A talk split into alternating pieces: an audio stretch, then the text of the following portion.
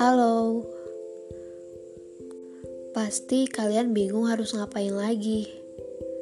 Diam di rumah, dengar musik, nonton film, tidur, bahkan tembok saja sudah kita ajak bicara.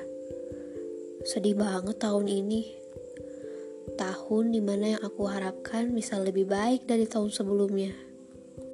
Bisa membuka lembaran baru, menulis kisah hidupku dengan goals yang ingin aku capai di tahun ini. Tapi kalian harus tetap jaga kesehatan ya. Hidup di tahun ini berat, gak mudah dilalui. Apalagi kita diam merenung sendiri di kamar. Harus merasakan rindu berat dengan pasangan kita. Yang entah jauh karena jarak, jauh karena situasi titik temu yang tidak memungkinkan.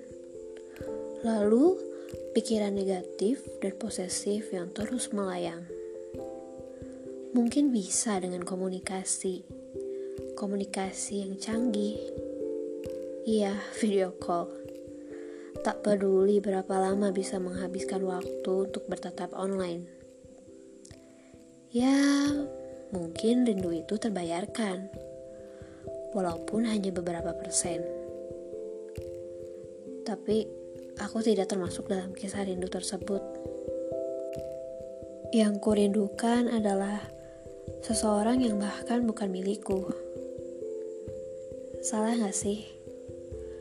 Merindukan seseorang yang ternyata dia gak tahu kalau aku simpan perasaan ini. Sudah lama sekali. Satu dua bulan itu bukanlah takaranku. Hampir lima tahun. Iya, menyimpan semua ini. Dengan tersusun rapih, bahkan teman terdekatku pun tidak tahu aku menyimpan perasaan ini. Anggap saja aku mencintai dalam diam.